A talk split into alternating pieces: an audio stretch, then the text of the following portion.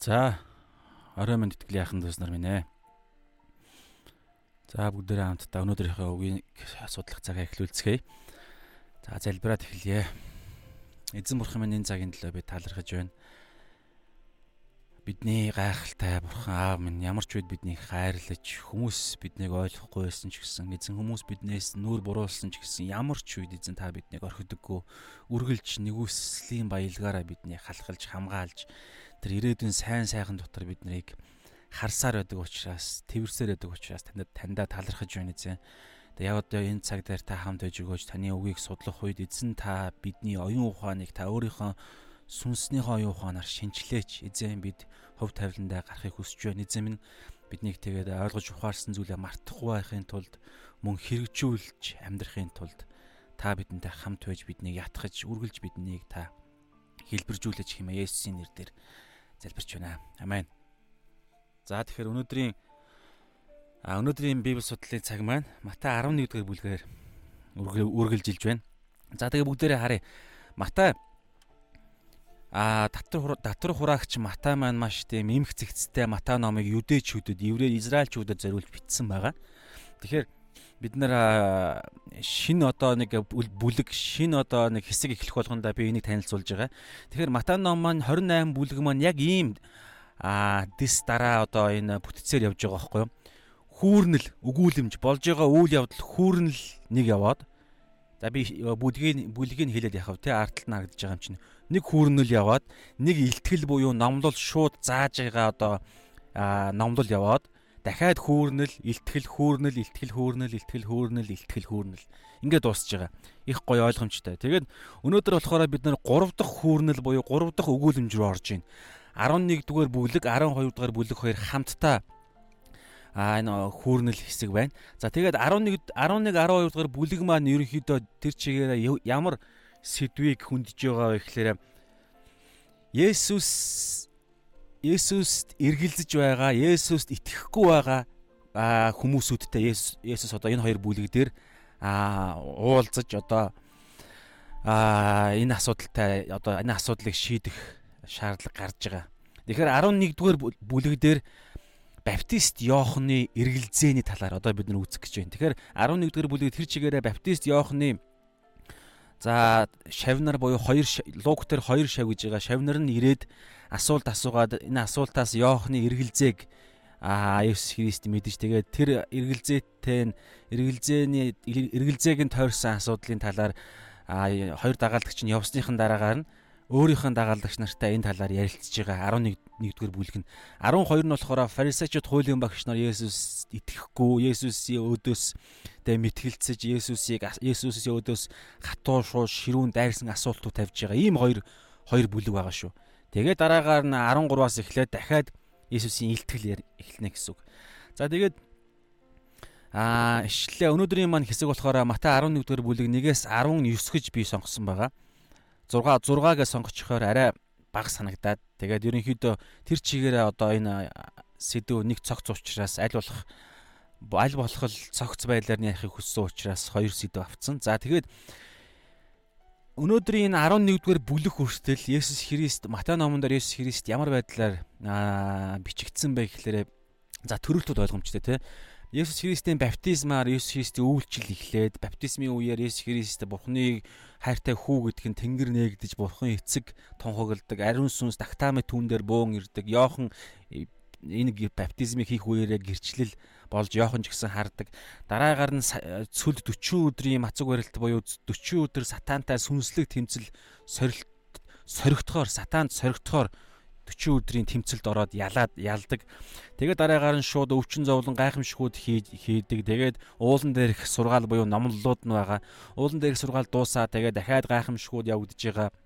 Тэгээд өнгөрсөн видеогоор Матай 10 дугаар бүлэг бид нар дууссан. 10 дугаар бүлэг дээр юу гарсан бэ гэхээр 12 элчээ дагалдагч нараас 12 элчийг Есүс Христ сонгож илгээж байгаа те. Тэгээ илгээхдээ заавар зөвлөгөө, хүч, ариун сүнс гээд бүхий л хэрэгцээтэй зүйлийг нь сануулж, мэдүүлж, хангаж одоо хоёрдуулгын өмсгөөд явуулж байгаа талаар.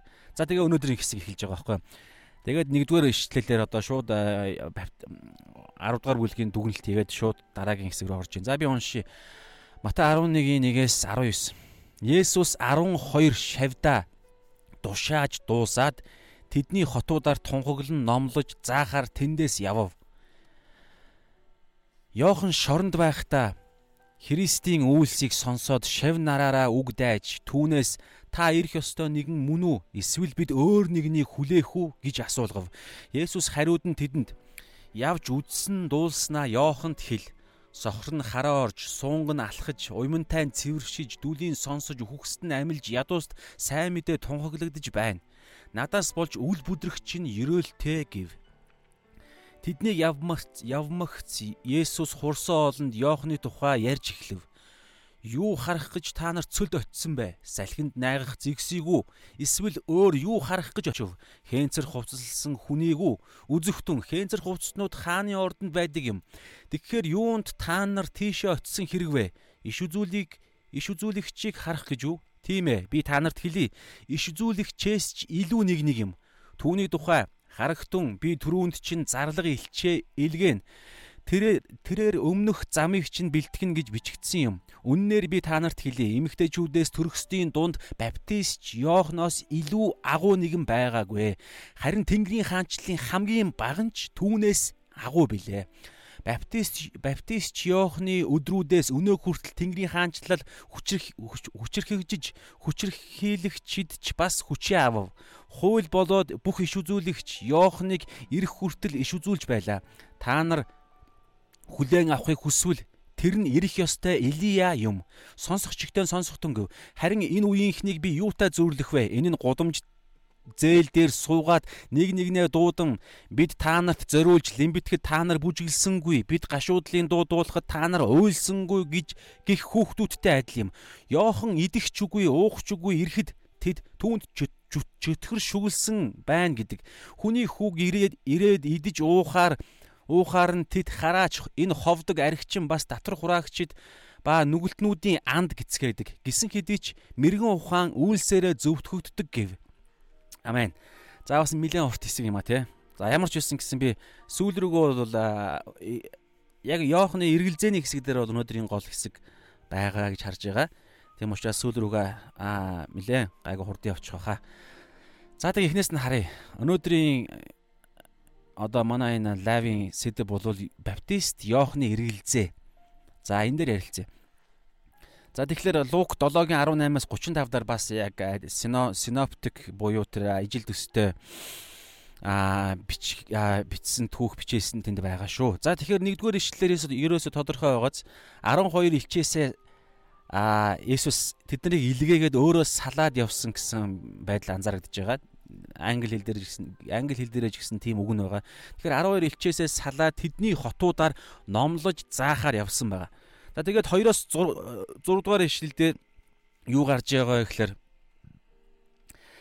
Йохан Баптистч аа Есүсийн тэр хийж байгаа зүйлс Есүсийн одоо үйлчлэлийн арга барил үйлчлэлийн хийж байгаа зүйлсүүд тэр бүгдийг тасалдж байна уу? За би нэг шалгаад гэх юм анаха. Тасалдах шиг болох юм.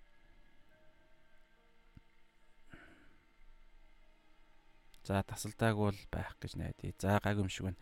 За тэгэхээр Аа Йох Есүс Есүс Христийн тэр гайхамшиг номлол хийж байгаа үйлчлэлийг Есүс Христ а Йохан Баптист сонссон байгаа. Гэхдээ хаан сонссон бэ гэхээр шоронд орсон байсан. Тэгэхээр Матай 14 дугаар бүлэг дээр яагаад шоронд орсон талаар нь байгаа? Бид нар үзэн. Гэхдээ өнөөдөр хамаатай хэсэг учраас дуртахад аа Херод хааны Херод хаан яасан бэ? Гэхээр дүү Филиппийнхээ эхнэр Херодиаг а дүүн Филипп дүүн амьд байхад нь эхнэрийг нь авсан байгаа. Булааж одоо ямар нэгэн байдлаар. Энэ бол хуулаараа бол завхаарл шүү дээ тий завхаарл бусдын эхнэр. Тэгэхээр үүнийг нь Йохан Баптист шууд хэлэх үед түүнийг шоронд хорсон яг энэ нөхцөл байдалтай байсан тэгээд за тэгэхээр бүгдээрээ хамтдаа өнөөдөр бид нартай маш хамааралтай чухал хэсэг энэ хэсэг дээр явж байгаа ер нь бол бидний үзэж байгаа бичээс болгон дээр бид нарын амьдралд маш чухал э, хичээл үннүүд байдаг учраас бүгдээрээ өөрсдөө холбож ил сурах нь маш чухал байгаа. За тэгэхээр 2 дугаар бүлэгт 2 дугаар ишлэл дээр Матай 11:2 дээр Йохан шоронд байхдаа Христийн үйлсийг сонсоод хоёр шавнараа луг дээр хоёр гэж байгаа. Шав нараараа үг дайж түүнээс за одоо энэ асуултыг сонсоорой. Энэ асуулт асуулт дээр Есүс Христийн хариу үйлдэл гарна. Тэгээд энэ асуултын цаана нь өнөөдөр бидний бас асуудал байгаа. За уншия бүгдээр. Та ирэх ёстой нэгэн мөн үү эсвэл бид өөр нэгнийг хүлээх үү гэж асуулгав. За энэ асуулт ямар асуулт вэ гэхээр санаж гинөө. Йохан Баптист Есүс Христийг баптист Есүс Христ Йоханоор баптизм хүртсэн. Гим нүгэлгүй мөртлөө, гим нүгэлтэй хүн баптизм хүртдэг штэ. Тэгэхээр шаардлагагүй мөртлөө ёстой ном журмыг те зөвхт байдлыг бодож би хүртье чи надад хүртээ гэдэг байдлаар гарсан те.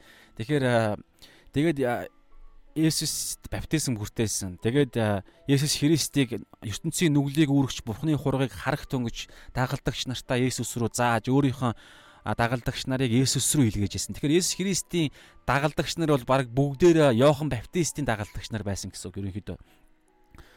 Есүс Христос өмнө Йохан Баптист Йохан Баптист тэр Израиль даяараа үйлчлэл хийжсэн шүү дээ. Олноороо түүн дээр ирж гимшлийн баптизм хүртэжсэн.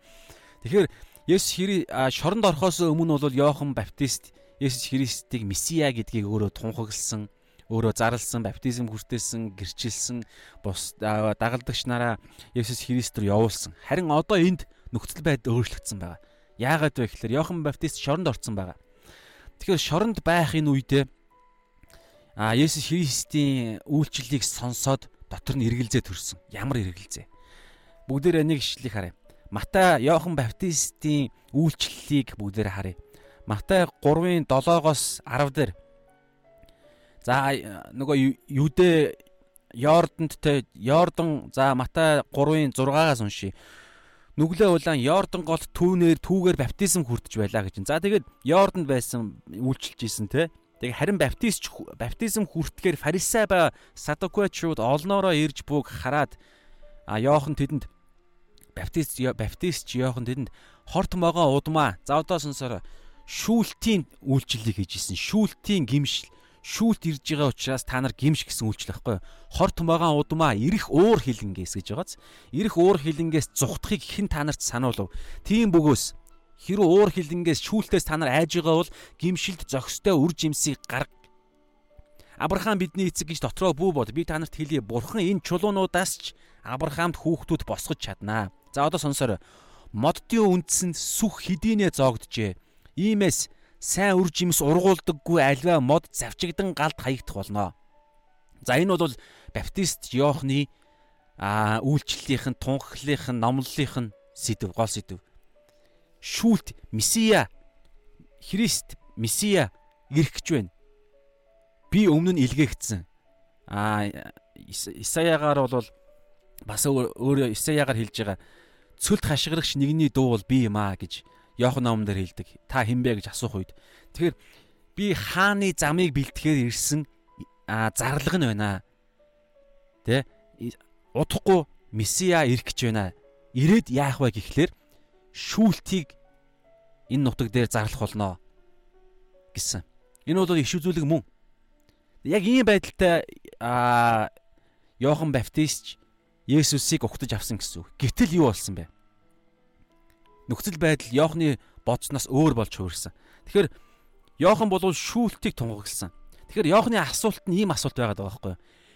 Нөгөө шүүлтийг авчрах, газар дэлхий дээр шудраг осыг авчрах, а Израиль өөрийн бурхны ард түмнийг чөлөөлөх, бурхны ард түмийг түмнийг Давид Давидэд амласанчлан мөнхийн хаанчлалд аваачих тэр месиад а ирчээд байтал яагаад шүүлт болохгүй байна?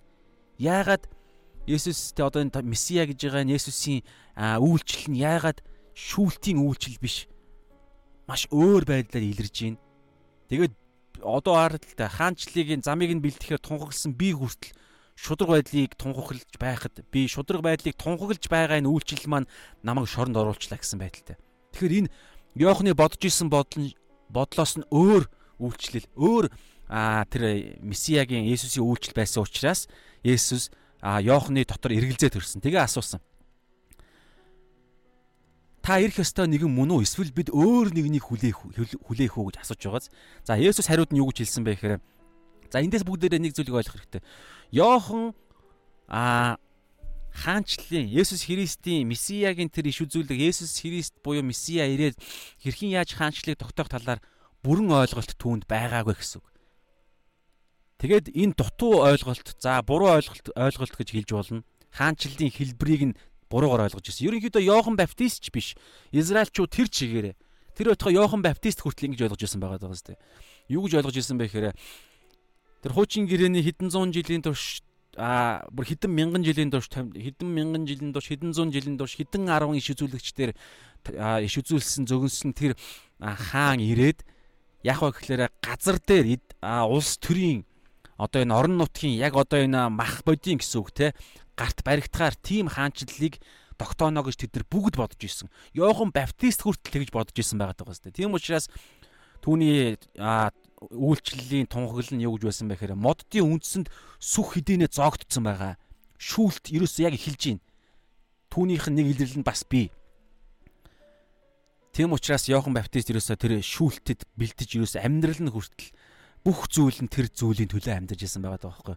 Тэгээд Тийм учраас уур хилэнгээс та нар үнэхээр айж байгаа бол удахгүй яг одоо миний араас ирэх шахагийнх нь үдээсийг нь ч тайлах, шахагийн ч тайлах зохисгүй тийм хүчрэх би зохисгүй тийм хүчрэх нэгэн удахгүй араас ирж байгаа. Тэгэхээр тэр нэгийг ирээд шүүлтийг шууд энэ газар дээр хийнэ. Тэгэхээр тэр шүүлтээс та нар айж байгаа бол гимшил зохистой үр жимс гаргаж хэлж байгаа. Ийм бүр бодиттой шүүлтийг бодож байсан чинь Есүс Христийн үйлчлэл нь шал ондоо байгаад байгаа байхгүй юу? Тийм учраас ингэж аа тэр ойлголт нь буруу ойлголт байсан байгаа даа. Тэгэхээр тэр буруу ойлголт дээр нь буруу ойлголт байсан учраас хаанчлалын том тогтолцоо том тэр авралын төлөвлөгөөний маш том бурхны тэр ойлголтыг Йохан Баптист ойлгоогүй байсан учраас тэр байдлаас нь үүдэж Йоханд эргэлзээ төрсэн байгаа байхгүй юу? Тэгээ Есүс Христийн хариулт хариултыг бүгдээрээ сонсъё. Энэ дутуу ойлголтыг нь Есүс Христ яаж аа одоо хэлсэн байна. Бүгдээрээ харъя. За дөрөвдөр ингэж байгаа. Есүс хариуд нь тэдэнд хоёр шавнарт нь чаашаа баптист Йоханд хэлээрээ шоронд байгаа Йоханд хэлээрээ гэсэн байдалтай. Явж Йохан дээр очиод үдсэн дуулснаа Йоханд хэл. За одоо эндээс хартаа юу байгаа вэ гэхээр эндээс Есүс Христийн а иш үзүүлэгчдийн иш үзүүлсэн тэр тэмдгүүдийг Есүс Христ энэ дэлхий дээр одоо би биелүүлж байгаа гэдгийг та нар Йоханд очиж хэлээ гэсэн утгатай үг байхгүй юу? Сохор нь хараа орж. Энэ юусоо зү энэ одоо энэ сохор нь хараа орж, суунг нь алхаж, уймн нь цэвэршиж, дүлийн сонсож, үхүхсэд амьлаж, ядууст сайн мэдээ буюу э, Исая 61-ийн 61-ийн эхний хэсэг багхгүй юу? Ядууст сайн мэдээ тунхаглаж сунхаглагдж байна гэдэг энэ болохоор ерөөсөө тэр чигээрээ Израилийн түүхэнд нэг хүнийг гарч түүхэнд нь гарч ирэхэд нэг хүнийг энэ одоо Израилийн газар нутгаар гарч ирэхэд л бий болох тэмдгүүд. Тэр нь юу вэ гэхээр Исая дээр байгаа энэ тэмдэгт байгаа. Өөр газрууд ч байгаа.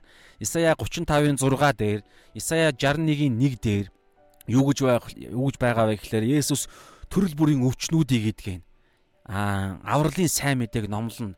Тэгээ тэр нууцуудыг заана гэж байгаа. Тэгээд 53 дугаар бүлэг дээр юу байгаа вэ гэхээр Есүс Христ зовно гэж байгаа. Есүс Христ арт өвчтэй хүмүүсүүдийн өвчнгийг нь өөр дээрээ тийм шарахтай хүмүүсийн шарахыг нь өөр дээрээ өөрнө а тэрээр хавчигдсан тэг гიშгэгдсэн сарнаа мэт болно. Тэрээр түүнийг хараад бид нядлууллаа зохиуллаа ялагдлаа гэж харах болно гэсэн ийм иш үзүүлэг багхгүй юу? Исая 53 дээр байгаа. Тэгэхээр харда энэ Йохано Баптист Йоханоос бүр өмнө хэлэгдсэн иш үзүүлэг тэгэхээр энийг Йохан Баптистад очиж хэл гэдэг нь юу гэсэн үг вэ гэхээр нэг зүйлийг хэлж байгаа. Йохан Баптист юу гэж ойлгож, ерөөсөө тэр Израильчууд юу гэж ойлгож байгаа гэхээр Месиа ирээд шүүлтийг зарлана гэж байгаа. Тэр нь үнэн байсан. Гэхдээ шүүлтээс өмнө нэг зүйл байгаа байхгүй юу? Тэрийг ойлгоогүй байсан. Тэрийг Исая Исая 53 дээр 35 дээр 61 дээр өөр олон газруудаар хэлсэн байгаа даа. Тэрийг ойлгоогүй учраас тэрийг Есүс Йоханд хэлээрэй гэж хэлсэн. Энүүгээр юу гэж хэлж байгаа гэхээр би Есүс Христ хэлж штэ Иоханд хэлүүлж гин гэсэн үг. Бас тэр үед сонсч ирсэн хүмүүсүүдэд би иш үзүүлэгч хуучин гэрээний миний талаар Месияг авралын мөнхийн дээр гайхалтай авралыг төгс хийх Месия ирэхэд Месия хийх ёстой бүх ажлуудыг би хийнэ гэдгийг хэлсэн. Түүнээсээр та нарын бодож байгаа, та нарын хүсэж байгаа тэр зүйл тэр зүйл чинь та нар ойлгохгүй байна. Тэр зүйлийг хийхийн тулд наа нь миний хийх ёстой зүйл Наан нь бурхны товлсон бурхны тогтоосон цаг гэж наан байна. Энэ цагийг та нар ойлгох хэрэгтэй гэсэн үг. Бүх зөвнөлийг Есүс Христ биелүүлсэн. Есүс Христ энэ дэлхий дээр 33 жил амьдрахтаа өхөл амьлалт гэдэг ерөөсө бүх зүйлд нь хуучин гэрээний Есүс Христ буюу Месиягийг Месияг ирээд болох бүх зүйлийг Есүс Христ биелүүлсэн. Энийг биелүүлэх нь маш чухал байгаа байхгүй юу? Ингэж Есүс Христ тэр амлагдсан нэгэн гэдгээ батлна. Тэгэхээр энийг хэлж байгаа. Тэгэхээр Йохан Месия ирээд хоёр арга замаар Месия ирэх ёстой. Бичээсээрээ бол одоо энэ саяны Исея дээр хэлж байна, өөр олон газруудаар хэлж байгаа. Тэр нь ямар арга зам, ямар байдлаар тэр Месиа буюу Есүс Христийн ирэлт бичээст байгаа вэ гэхээр нэгдүгээрт нэгүслийн төлөө. Нэгүслийн төлөө, хоёрдугаарт шүүлтийн төлөө. Эхний Есүс Христ тэр онгон онгон бүсгүй хөвлөд Бурхны сүнсээр бүрэлдээд төрж байгаа төрсний дараа ч гэсэн Мария онгон эмхтэй онгон чигээрээ байдаг те. Тэгэхээр энэ хүү ирэлт нь өөрөө юуны төлөөх ирэлт вэ гэхлээрэ авралыг энэ дэлхий дээр хаан энэ дэлхий дээр хаанчлалыг эхлүүлэхээр энэ дэлхий дээр а өөрт нь итгэсэн хүмүүсүүд авралыг өгөхөөр мөн ариун сүнсийг өгөхөөр нэгүслийн эрен үеийг эхлүүлэхээр ирсэн. Эхний ирэлт. Энийг Йохан Баптист болон тухайн үеийн Израильчууд ойлгоогүй байсан байхгүй юу? Шууд энийг ойлгоод байсан. Энийг харж исэн шүүлтийг тэд а Үлс 17-гийн а 30-аас 31 дээр байгаа. Үлс 17-гийн 30-аас 31-ийг за би уншия. Юу гэж байгаа вэ гэхээр Иймээс ч өөрийг нь ис харсан балар үеийг бурхан харалгүй өнгөрөөсөн. За энэ яг харин идүүгээ хаа сайгүй хүн бүхэн гимших ёстойг хүмүүст тэрээр тушааж байна. За эртний цаг үед бол тэ ингээд бурхныг ойлгох боломжгүй байсан ч гэсэн одоо бол Есүс Христ ирсэн учраас идүүгээ хаасаагүй бүх хүн бүхэн гимших ёстой гэж байгаа байхгүй юу? Одоо яг авралын тэр хаанчлалын бүх зүйл нь бүрэн төгс загалмаа дээр Есүс Христ гүйцлээ гэж хэлж байгаа шүү дээ. Бүх зүйл гүйцэж байгаа. А тэгвэл Христийн дүүрэл гэдэг ойлголт яриад байгаа шүү дээ. Бид нар бас уу ярьдаг. Тэр жинхэнэ аврал бүрэн биелэх бол хоёр дахь хэрэлтэн. Гэхдээ одоо бол яг аврал хаанчлалыг эхлүүлэх нь бүх зүйл нь бий болцсон. Аврагдахад бүх орц нь бүрдсэн. Бүх тэр загалмай дээр хүл явдал. Тийм учраас бүх хүн гимших ёстойг хүмүүст Есүс тушааж байна. Томоор томоор тэрэр гэж байгааз тушааж байна. Өөрийнхөө томилсон нэгэн нэгэн хүнээр дамжуулж ертөнцийг шударгаар шүүх өдрөө тэр тогтоосон агаад түүнийг үхгсдээс амьлуулснаар түүнийгэ бүгдэд нотлсон ажгуу Одоо хараа өөрийнхөө томилсон нэгэн нэгэн хүнээр дамжуулж ертөнцийг шударгаар шүүх өдрөө гэж байгааз. Энэ энэ хүн гэдэг чинь Есүс. Бурхан Есүсээр дамжуулж ертөнцийг шударгаар шүүх өдрөө тэрээр тогтоосон агаад тэр өдрөөс наан нь үхвхстээс түүнийг амьлуулснаар үүнийгээ бүгдэд нотолсон юм аа. Тэгэхээр Үүс 17-гийн 31 дээр юу хэлдэг вэ гэхээр Есүс Христийн аа үхээд амилсан амлалт нь нэг зүйлийн тэмдэг баталгаа байхгүй юу? Тэр нь юу гэхээр Есүс Христ хоёр дахь удаага гарцаагүй ирнэ нэгдүгээрт. Эрэхтээ энэ нь бүх хүн төрлөختний шүүх шүүлт юм а гэдгийг Есүс Христ үхэхстээс амилснараа Бурхан өөрөө түүний амьлуулсан Есүс Христийг амьлуулснараа баталдаг. Яаж ямар утга учир цаана байгаа вэ гэхээр үхлийг үхээд үхлээс амилсан хүн гэж байхгүй шүү дээ. Есүс Христ л зөвхөн үнийг хийсэн тэр тусмаа ямар ч гимгүү хүн хүн төрлөختний гим нүглийн өмнөөс дахил болоод үхээд тэгээд амилсан харалта.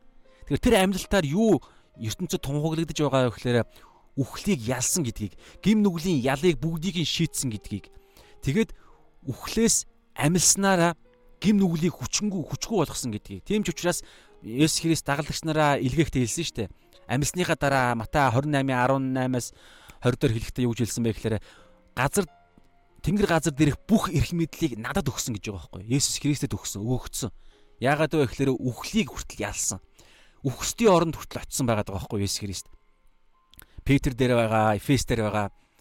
Тэгвэл тамд биш, зовгоор биш. Тэнд очиж ямар нэгэн тунхаглалыг хийхээр энэ тал дээр олон таамагуд байгаа. Ямар ч байсан бидний элч нарын тунхаглал дээр хүртэл байгаа шүү дээ. Тэр үхсдийн орон доош буусан гэж тунхаглал байгаа. Эфес дээр ч байгаа, Петр дээр ч байгаа. Гурван үхээд загалмаа дээр үхээд амьлах хугацаанд 3 хоногтой тэр үхсдийн орон буюу Хейдис гэдэг ойлголт байгаа байхгүй юу? Хейдис дотроо Деважин гэж байгаа, Там гэж байгаа. Лук дээр байгаа тий. Баян хүн болон Лазарын түүхээр гардаг штэ. Баян хүн нь тамд үхсдийн орон дотор тамд байгаа. Голд нь асар гатлахын аргагүй ангал байгаа.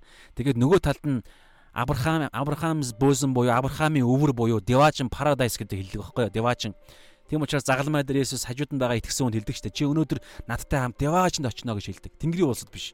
Деваажинд. Тэр нь үхсдийн оронд. Тэгээд Есүс хий загалмай дээр үхээд үхсдийн оронд очисон байгаа байхгүй юу? Тэр нь Деваажин гэдэг ойлголт. Тэгээд энэ энэ мэдчлэн ингээд тэгээд ариун хүмүүсүүдийг дээш аваа явсан. Тэгээд тэр янз бүрийн ойлголтууд байгаа. Тэгэхээр Есүс Христ үхлээ үхснээс амилснараа бүх зүйлийг хийж байгаа байхгүй. Үхсдийн орны хаалганы түлхүүрийг хүртэл өөртөө хатгсан. Үхлийг ялсан. А яг хууль ёсороо Гэхдээ хоёр дахь ирэлтээр яг жинхэнэ одоо яг практик дээр гэдэг юм амьдрал дээр үхэл гэдэг ойлголт байхгүй болно гэж байгаа. За энэ мэдчлэн энэ хүү ирэлт нь хоёр дахь ирэлт нь баггүй юу? Гэтэл энэ одоо энэ шүүлтийг Йохан Баптист гэж болон тухайн үеийн юдэчүүд а 12 дагалдагч нар нь хүртэл ингэж ойлгож ирсэн. Тэгээд дараагаар нь түүний ярьж исэн зүйлсийг ойлгосон. Одоо бол бид нар энийг маш сайн ойлгож байгаа шүү дээ. Бид нар яг энэ цаг үед байгаа байхгүй юу? Нэгүслийн одоо энэ а хуваарлалт нэгүслийн энэ 90 90 цаг үед бид нар амьдарж байгаа.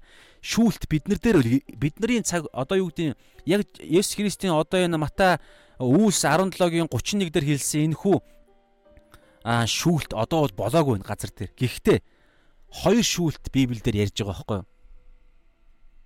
Дамаа одоо энэ Библийн шин гэрээний цаг үе дээр ямар хоёр шүүл ярьж байгаа вэ гэхээр нэгдүгээр за одоо энэ дээр нэгдүгээр Бурхны ард түмнийг шүүхшүүлт. Израильчуудыг шүүхшүүлт. Хоёрдугаарт бүх үндэстнийг шүүхшүүлт. Бурхан шудраг учраас Израильчуудыг яалтчгүй шүүх шаардлагатай болж байгаа байхгүй. Ягаад тэгэхээр Израильчуудад бүх тэр юу нөгөөгдсөн. Аа бүх одоо аврал бүх тэр шүүлтээс өмнө Бурханаас өгөгдөх ёстой бүх зүйл Израиль үндэстэнд эхэлж өгөгдсөн. Тийм учраас бид нар урд нь ярьж ирсэн шүү дээ. Илгээлт хүртэл эхэлж 12 элчийг хүртэл Мата 10 дээр хэлэхдээ зөвхөн Израилийн газар нутгаар яваараа гэж хэлж байгаа. Дараагаар нь Паул, элч нар гэдэг бүх үндэстэн рүү явж байгаа. Гэхдээ эхэлж Израильчуудад бүх юм эхэлж Израильчуудад өгөгдсөн. Тийм учраас эхэлж Израильчууд шүүгдэх болж байгаа байхгүй. Нэгдүгээр гэхдээ энэ шүүлт нь ямар шүүлт вэ гэхээр яллах шүүлт байгаад байгаа. Энэ нь манай эртний 70 онд болсон. Тийм учраас илчлэлт номын тэмдгүүдийг илчлэлт номын тэр шүүлт, илчлэлт номын тэр аимшигтай тэр болж байгаа үйл явдлуудыг бол хамгийн ихний нөгөө нэг ер нь иш үзүүлэгч нь шууд иш үзүүлэгч иш үзүүлэлт иш үзүүлэлэг маань библийн иш үзүүлэлгүүд нэг юм хоёр хэмжигт хүнээр явдаг байхгүй. Нэг нь болохоор юу гэхээр одоо яг энэ энэ цэгээс би хоёр шугам татхад эхлээд энэ хамгийн наан байгаа зүйл рүү би ихж хардаг. Жоохон хараагаа дээшлүүлэхэд бүр цаана байгаа уулын оройг бас харж болдог те. Тэгэхээр илчилт ном маань шууд анхны бичигчтэй хандаж эхэлж битсэн Йохан Тэр нь юу вэ гэхээр одоо энэ бас аа тийм онол юу байгаа байгаа байхгүй одоо тийм онол сургаал одоо энэ Израилийн дамаа одоо энэ яг энэ сайн мэдэн дээр хэлэгдсэн одоо юунууд байгаа иш үзүүлэлгүүд дамаа одоо энэ Есүс Христ Израиль руу орохдоо Израилийн талаар гашуудж байгаа. Тэгээ одоо өнөөдөр ч гэсэн энэ дээр бас хэлж байгаа. Аа энэ дараагаар нь гарна энэ одоо энэ хаана вэ? Гимшээгүү хотуудын талаар Иерусалимийн талаар золгууя гэдэг. Тэгэхээр түүхэндээ манай эртний 70 онд ерөөсөө асар аимшигтай Израиль бурхны ард түмэн аллаг бол а бурхны ард түмэн а Есүс Христ бурхны ард түмэнд өгөгдөж байгаа зү. Манай эртний тэг он гэж ярьж болно. Эсвэл манай эртний өмнөх 3 4 он гэж ярьж болно. Израильчуудад Израиль хүн болж Есүс Христ ирж байгаа. Тэгээд 30 жил тэнд амьдсан. 3 3 жил тэнд үйлчилсэн. Гайхамшгүүдийг үйлдсэн үхсдийг амьлуулсан бүх сургаалаа тэнд хийсэн 12 элч нар нь ч гэсэн Израилаа сонгох Юдэгээ сонгогдсон энэ бүх зүйлсийг ингэж Израиль буюу Иерусалим хотод буюу Израиль өгөөд байхад тэд нар итгээгүй байхгүй юу хүлээж аваагүй өнөөдөр бас яг адилхан бид нар өнөөдрийн Йохант Йохантай бас энэ бас Есүс Христийг хүлээж аваагүй шиг Йоханыг бас хүлээж аваагүй аваагүй гэдэг хэсэг өнөөдөр бас бид нар үзэж байгаа. Тэгэхээр ийм зүйл болж байгаа. Тэгэхээр ийм зүйл болсон учраас Бурхны бурхныг хүлээж аваагүй учраас шүүлт зайлшгүй байгаа байхгүй. Одоо энэ дээр хараа л та бид нар дараа нь үзсэн. одоо энэ Сидон, Тир, Сидон, ер нь Содом, Гомора гэл эднэр чинь Есүс тэднэрт өгөгдөөгүй шүү дээ. Тэднэрт байгаагүй. Гэтэл тэд нарыг шүүсэн. Содом Гомора яалаа. За бид нар дараагийн үзэх юм бол би юу ярих гэдэг шиг байна. Гэхдээ Иерусалимийн шүүлт бол асар аимшигтай болсон. 2 жилийн турш 2 жилийн турш а ромчууд тэ Иерусалимыг тэгж зовоож дарчилгаж тэгээ сүүлдээ 70 онд асар олноор нь алсан гэж байгаа байхгүй. Тэнд бүр ханибализм гэж байгаа. Ганибал, ганибал гэлөө те ханибализм гэсэн ма хүний мах идэх өлсгөлэн болж байгаа. 2 жилийн турш тэд асар их өлсгөлэн болж ах дүүсээ хүртэл бие бинийгаа идж байгаа. Тэгээд бүр дэлхийн 2 дугаар дайны дайны үеэр юдэчүүдийг еврейчүүдийг алсан тооноос бүр хэд дахин илүү Иерусалимчууд юдэчүүд өгсөн байгаа даа байхгүй юу? Августин гэдэг хүний тэмдэглэгэнд байдаг гэж байгаа. Тэгэхээр ийм аимшигтай шүүлт болсон. Энэ шүүлтийг бас аа Библиэд хэлдэг. Тэгэхээр энэ шүүлт бол түүхэндээ бол болсон. Аа харин бүх үндэсний шүүлт болоогүй байгаа гэсэн санаа. Тэр хизээ болох вэ гэхээр хулгайч мэт. Хугацаа нь юусоо тодорхой биш. Одоо яг ингээ эцсийн цаг үед ингээ дөгч гинэ гэл элдв янзын одоо энэ коронавирус гээл те дайн дажин болж гин гэл одоо удахгүй ирж гин гэл бид нар мэдэх гээд нь штэ. Хулгайч ирэх гээд хашаага а хулгайч мэт эзэнний цаг эцсийн цаг ирнэ гэж байгаа дээ. Гэтэл коронавирус коронавирус вирус гэдэг эднийг харахаараа эцсийн цаг үе болж гин гэд хүмүүс ерөнхийдөө бодож байгаа шүү дээ. Гэхдээ энэ нас яг библийн дагуу биш байгаа байхгүй. Би бас судалж олд мэдхэд ийм зүйл бас бууж байгаа. Эдгэр зүйлсүүд наан нь болно. Гэхдээ яг эцсийн цаг үе яг хизээ болох вэ гэдг нь хинч мэдэхгүй. Одоо жишээ нь коронавирус болж байна. Коронавирус гарч ийн. Одоо энэ тэнд ялдв янзын аллага маллага дайн дажин болж байна гэж хар хараад бид нар яг одоо ирэх гэж байна гэдэг нь биш байгаа байхгүй. Ингиж биднэрт мэдэгдэхгүй. Ерөөсөө арай болоогүй байна гэж юу гэдэм одоо бас 50 цаг үеж нэгүсэл 50 цаг үе явж нэгүслийн цаг үе үргэлжилж гин гэдэг юм уу. Ингээл амар 50 байж гинт ирнэ гэсэн үг байхгүй. Хулгайч бид нарыг амар тайван үед л хинт ч мэддэхгүй үед л ирдэг үстэй. Бүгд унтцсан, бүх зүйл нам тайван, ямар ч тэ хот нам тайван, элдв янзын зурагтаар та энэ тэнд хулгайж явж гин мовж гин гэсэн зарлал марл хүртэл байхгүй нам тайван үед л гинт л хулгайч ороод ирдэг. Эсвэл нам тайван байхад л хулгайч ирдэг. Тэрнтэй адилхан нам тайван байх үед л гинт эзэн ирнэ гэж байгаа байхгүй шүүхээр ирнэ. Ард иргэдийг бүх үндэстнийг шүүхээр ирнэ. Харж байна. Тэгэхээр ийм аимшиг тийм одоо юу гэдгийг гинтийн учраас бид нар гинтийн үедээ тэр тусмаа амар тайван үедээ тэр тусмаа бид нар сэрэмжтэй байх зүйлээр ярьдаг. За тэгээд аа Есүсийн хариулт бол ерөөдөө энийг ярьж байгаа. Би энэ дэлхий дээр ирэхдээ яг л Исая 35 дээр 61 дээр 53 дээр байгаа хэлсэнчлэн би бүх өвчин зовлонтой хүмүүсүүдийг идгээ нөхөксдгийг амьлуулна тэ аа авралын сайн мэдээг бүгдийг нь би тунхаглана бүх тэмдгүүдээ хийн тэгээд бусдын төлөө би миний зовлон хүртэл бичээ хуучин гэрээн дээр иш үзүүлсэн учраас зовлон хүртэл байх ёстой загалмай үхэл хүртэл байх ёстой. Харж гинэ тэгэхээр загалмай үхэл бол гинтийн биш байгааз бүр эхлэл 3-ын 15 дээр хүртэл иш үзүүлэгдсэн шүү дээ. Мосеогоор дамжуулан. Бичигдсэн боловч бүр аа бүр хэд 4000 за яг энэ цаг мөчөөс бүр 4000 гэж ойролцоо тоо байгаа. Есүс Христийн төрөлтөөс ойролцоогоор 4000 жилийн өмнө Адам энэ дэлхийр дээр бүтээгдсэн гэсэн ерөнхийдөө бодвол тийм тоо байгаа. Тэгэхээр 4000 жилийн өмнө хүртэл Эхлэл 3:15 дээр а энэ эмэгтэй буюу Адам Евагийн нэг нэг үнд Евагаас үр удам явж байгаад нэг үрн нэг хүн нь Евагийн нэг хүүхэд нь гэсэн үр удмынхаас нэг нь сатаныг устгах болно. Харин устгах сатаныг устгаж байхад сатан устгагдаж байхдаа тэр эдэн цэцэрлэгт могоод хандж хэлсэн могоод хандж хэлсэн бурхны үг үг байхгүй юу эдэн цэцэрлэгт хэлсэн үг сатан устгагдаж байхдаа энэ эмхтэн өөрийг нь устгаж байгаа тэр нэгний өсхийг нь бяцлана загалмай өхлийг ярьж байгаа байхгүй юу тэгэхээр энэ хүртэл заавал биелэх ёстой харж байна тэгэхээр Йохан Баптистийн тэр энэ дэлхий дээр юу өөх загалмай тэр өөхөх бүр хаанчлаад тэр гайхалтай хаанчл болох нь биш байгаад байгаа зү. Энийг шууд хийсэн бол Есүс Христ Эхлэл 3:15-ыг хүртэл хийх боломжгүй болж байгаа. Тэр утга өнөөдөр бид нар хүртэл аврагдах боломжгүй. Загалмаан тэр төгс тахил еврей номон дээр хэлэгддэг тэр төгс тахил хүртэл боломжгүй байгаа байхгүй. Тийм учраас энд нэг зүйлийг бид нар маш сайн ойлгох хэрэгтэй. Одоо бидний ухаарах, одоо бидний биднэрт авах сургамж юу гэхээр бид нар Библийг судалдаг. Бид нар бурхантай харилцаа, залбирлын залбиралдаа бид нар ямар нэгэн хариу авдаг ч юм уу те эсвэл бидний тараа талаар иш үзүүлэх нэгэн хилдэг ч юм уу эсвэл бидний талаар Библиэд нэг үг хилдэг. Тэрийг бид нар ойлгохдоо ингээд өөрсдийнхөө ойлголтоор ойлгодог. Гэтэл энд нэг аюул байгаа байхгүй юу? Бидний ойлголт маш хязгаарлагдсан бэл. Одоо энэ дээр хардаа Исая Исая за хаана вэ?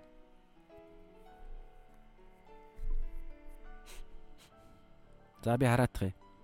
Исая. За энэ. Би га тавьж уу тавиг үү?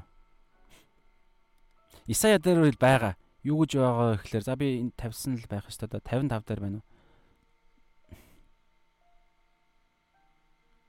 Исая 55-ийн юу н чэйжлэг болохоор уг нь одоор да ингээд яг чэйдэлсэн бол шууд энийг гаргаж ирэх боломжтой байхгүй юу. Тэгэхээр би чэйжлэг учраас ингээд асуудал орж байгааз. За одоо энд байна. За Исая 55-ийн 8 9 дээр байна. За би энэ дээр бичнэ гэж бодож байгаа бичээг байна. За Исая 55-ийн 8 9 дээр хараа. Учир нь миний бодол санаа та нарын бодол санаа шиг биш ээ гэж бурхан хэлж байна. Миний зам та нарын замаас өөрөө эзэн айлдж байна. Тэнгэр тэнгэрсгээ олон тоон дээр байна те. Тэнгэрүүд тэнгэр газраас өндөр байдаг шиг миний зам та нарын замаас өндөр. Миний бодол та нарын бодлоос өндөр. Тэгэхээр хардаа бид нар Библи судалж байхдаа ер нь ингээ ертөнцийн талаар дуршилгаараа ч юм уу эсвэл бидний бодол дотор орж ирдэг бидний оюун ухаанаараа оюун ухааны потенциал буюу тэр хим хэмжээгээрээ тэр бид нар альва зүйлийг энэ дэлхийг болон Библийг хүртэл судлахдаа ахан дүүсээ бид нар одоо юу гэдэг юм ялгаж салах ухаанаараа те зөв шүүлтэр шүүхтэй Есүсийн талаар хүртэл бодохдоо, Бурхны талаар бодохдоо, эцсийн цаг үеийн талаар бодохдоо, ер нь альва зүйлийн талаар бид нар бодохдоо өөрсдийнхөө бодсон бодлоо бид нар хичнээн Библийн дагуу мэдээж бид нар ариун сүнстэй учраас Библийн дагуу бид нар ингэж яа. Гэтэ ариун сүнстэй учраас бид нар яг ариун сүнсээр явбал энэ хил хязгаар маань нилээн тэлэгдэн. Гэхдээ л бид нар хил хязгаартай. Тэр тус маань Йохан Баптист болохоор тухайн үед бол яг өнөөдөр бид нар чиг ариун сүнс түүний дотор нутаглаагүй байсан шүү дээ. Мэдээж түүний одоо бид нар цааш нь ярина. Аа Йохан Баптистийн Баптист Йоханы амьдрал дээр нь ариун сүнсний ажиллагаа байсан. Гэхдээ бид нар шиг түүний дотор нутаглаж амьдраагүй ариун сүнс. Яг орон гэрээ болгож бидний дотор аа ингэж амьдрах амьдрал тий эзний хоёр дахь ирэлт хүртэл бидний дотор ямар ч үед биднээс салахгүй ариун сүнс бидний дотор байдаг шиг Йохан Баптист үед Йохан Баптист тийм байгаагүй байхгүй энийг цааш нь ярина. Тийм учраас Йохан Баптистийн ойлголтод дутуу байсан байгаа юм. Өнөөдөр бид нар ч гэсэн хэдийгээр бид нар ариун сүнстэй ч гэсэн ариун сүнсээс сонсож чаддаггүй бол ариун сүнс бидний дотор ингэж яолон байж залбирч заах гэж залруулах гэж чиглүүлэх гэж Бурхны үгээр ингэх үед бид нар Библийг уншдаггүй, залбирдаггүй, сонсдоггүй. Тэгээ өөрийнхөө ойлголтон дээр түшгэлдэг. Одоо энэ Энэ байсан биш үү хамгийн ихэнд Исая 55:8-аас за сургаал төгс 3:5 дээр бас байгаа. Сургаал төгс 3:5 дээр юу гэж байгаа гэхээр та нар өөрсдийн ойлголтон дээр бүх зүрхээр эзэн тэтг бүү өөрсдийн ойлголтондоо бүү дүшгэл гэж байгаа. Тэгэхээр бид нар өөрсдийнхөө ойлголтон дээр дүшгэлээд ариун сүнсээ сонсохгүй байх юм бол бас л адилхан. Бид Йохан шиг Йох Баптист Йохан шиг бид эргэлзнэ гэсэн үг. Бид сорилтонд орно гэсэн үг. Тэгээ Ром 8:28 дээр юу гэдэг вэ? Бурхныг хайрладаг түүний зорилгын дагуу дуудагдсан гэж байгаа тий. За би уншия. Бурхныг хайрладаг түүний зорилгын дагуу дуудагдсан хүмүүсийн сайн сайхны төлөө бүх зүйл хамтдаа ажилдгаа гэж байгааз. Энэ бол хардаа тэр бүх зүйлийг бид нар ойлгох албагүй, ойлгож чадахгүй байсан ч гэсэн энийг мэддэг байх хэрэгтэй гэсэн санаа байхгүй юу? Бурхан нэг зүйлээ мэддэг байх хэрэгтэй. Бурханыг хайрладаг та Бурхны зорилгын дагуу та дуудагдсан тэр дуудлагаа олж мэдээ тэр зорилгоороо та өнөөдөр амьдарж байгаа юу?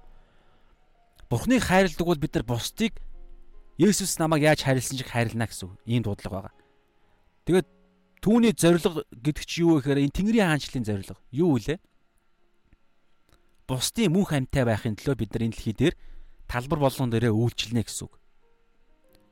Тэгэхээр энийг хийгээ явж байгаа цагт энэ тардаа бүх юм хамтдаа бидний сайн сайхны төлөө ажиллаж байгаа. Гэхдээ бидний сайн сайхны төлөө бүх зүйл ажиллаж байгаа боловч энэ бүх зүйл гэдэг дотор юу юу байгаа гэж өнөөдөр Иохан Баптист шоронд орж байгааз өнөөдөр бид нар ч гэсэн итгэлийнхаа төлөө шоронд орох бүрэн боломжтой.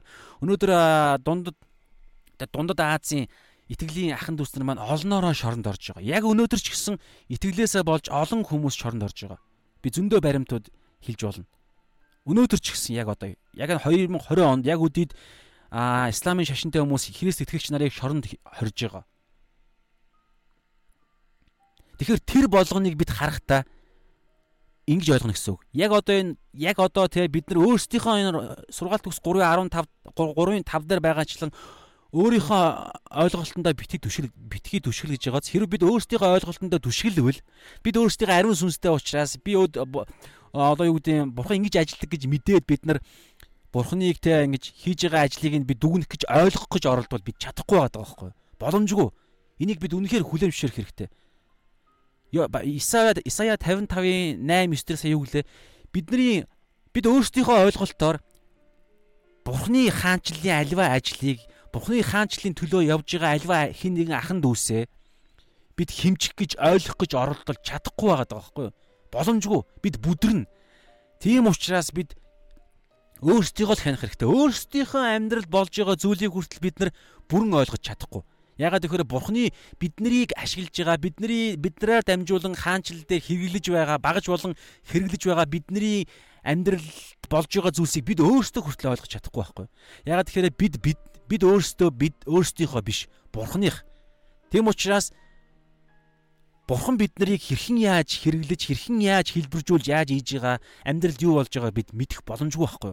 Бидний энэ оюун ухаан ийм хязгаарлагдмал. Үүний нэгэн жишээ нь Йохан яг ийм байсан та ирэх ёстой нэгэн мөн үү? Уг нь бол шүүлт. Шүүлтийг би тунхагласан шүү дээ. Та яагаад шүүлтээ хийхгүй байгаа юм бэ? Яагаад Месиа энэ газар нутаг дээр шүүлтийг хийхгүй байгаа юм бэ гэж ярьж байгаа үстэй. Гэтэл хуучин гэрээндээ юу гэж байсан бэ гэхээр олон иш хизүүлгийн газрууд дээр тэр шүүлт чинь шүүлтээс наан нь болох юмуд байгаад байгаа байхгүй юу? Наан нь хугацаа тэр том хоосон хоосон биш тэр нэг нэгүслийн үе гэж байгаа. Тэрийг Йохан Баптист болон тухайн үеийн анхны чуулганы тэр элч нар бол одоо энэ тухайн үедээ Есүс Христ ариун сүнс ирэх ирэхээс наан тэд ойлгоогүй байсан байгаа байхгүй. Тийм учраас тэд айж исэн, эргэлдэж исэн, итгэл одоо сорилтонд орж исэн. Тийм учраас Юдаас ч соригдсон, Петерч соригдсон. Гэхдээ зөв итгэлтэй Есүс Христэд зөв таньсан нэг нь гимшсэн. Петр гимшдэг те. Харин Юдаас амиа хорлдог. Тэгэхээр бид нар энэ мэдээллүүд маш чухал. Тийм учраас бид нар өнөөдөр яах хэрэгтэй вэ гэхлээр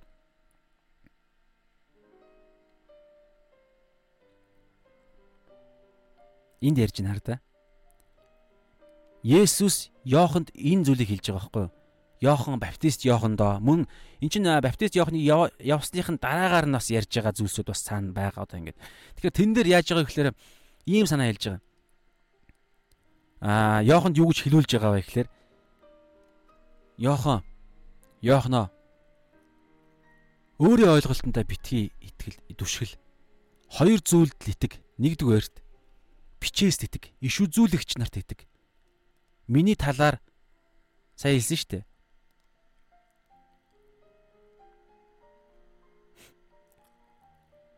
Есүс явж үдсэн дуулснаа Йоханд хэл. Сохор нь хараа орж, суунг нь алхаж, уйман өвчтөн цэвэршиж, дүлийн сонсож, үхсэн амилж, ядуус сайн мэдээд мэдээ тунхагдаж байна. Энэ бүгд чинь бүгд Исая дээр Исая болон өөр газруудаар хэлэгдсэн иш үзүүлэг.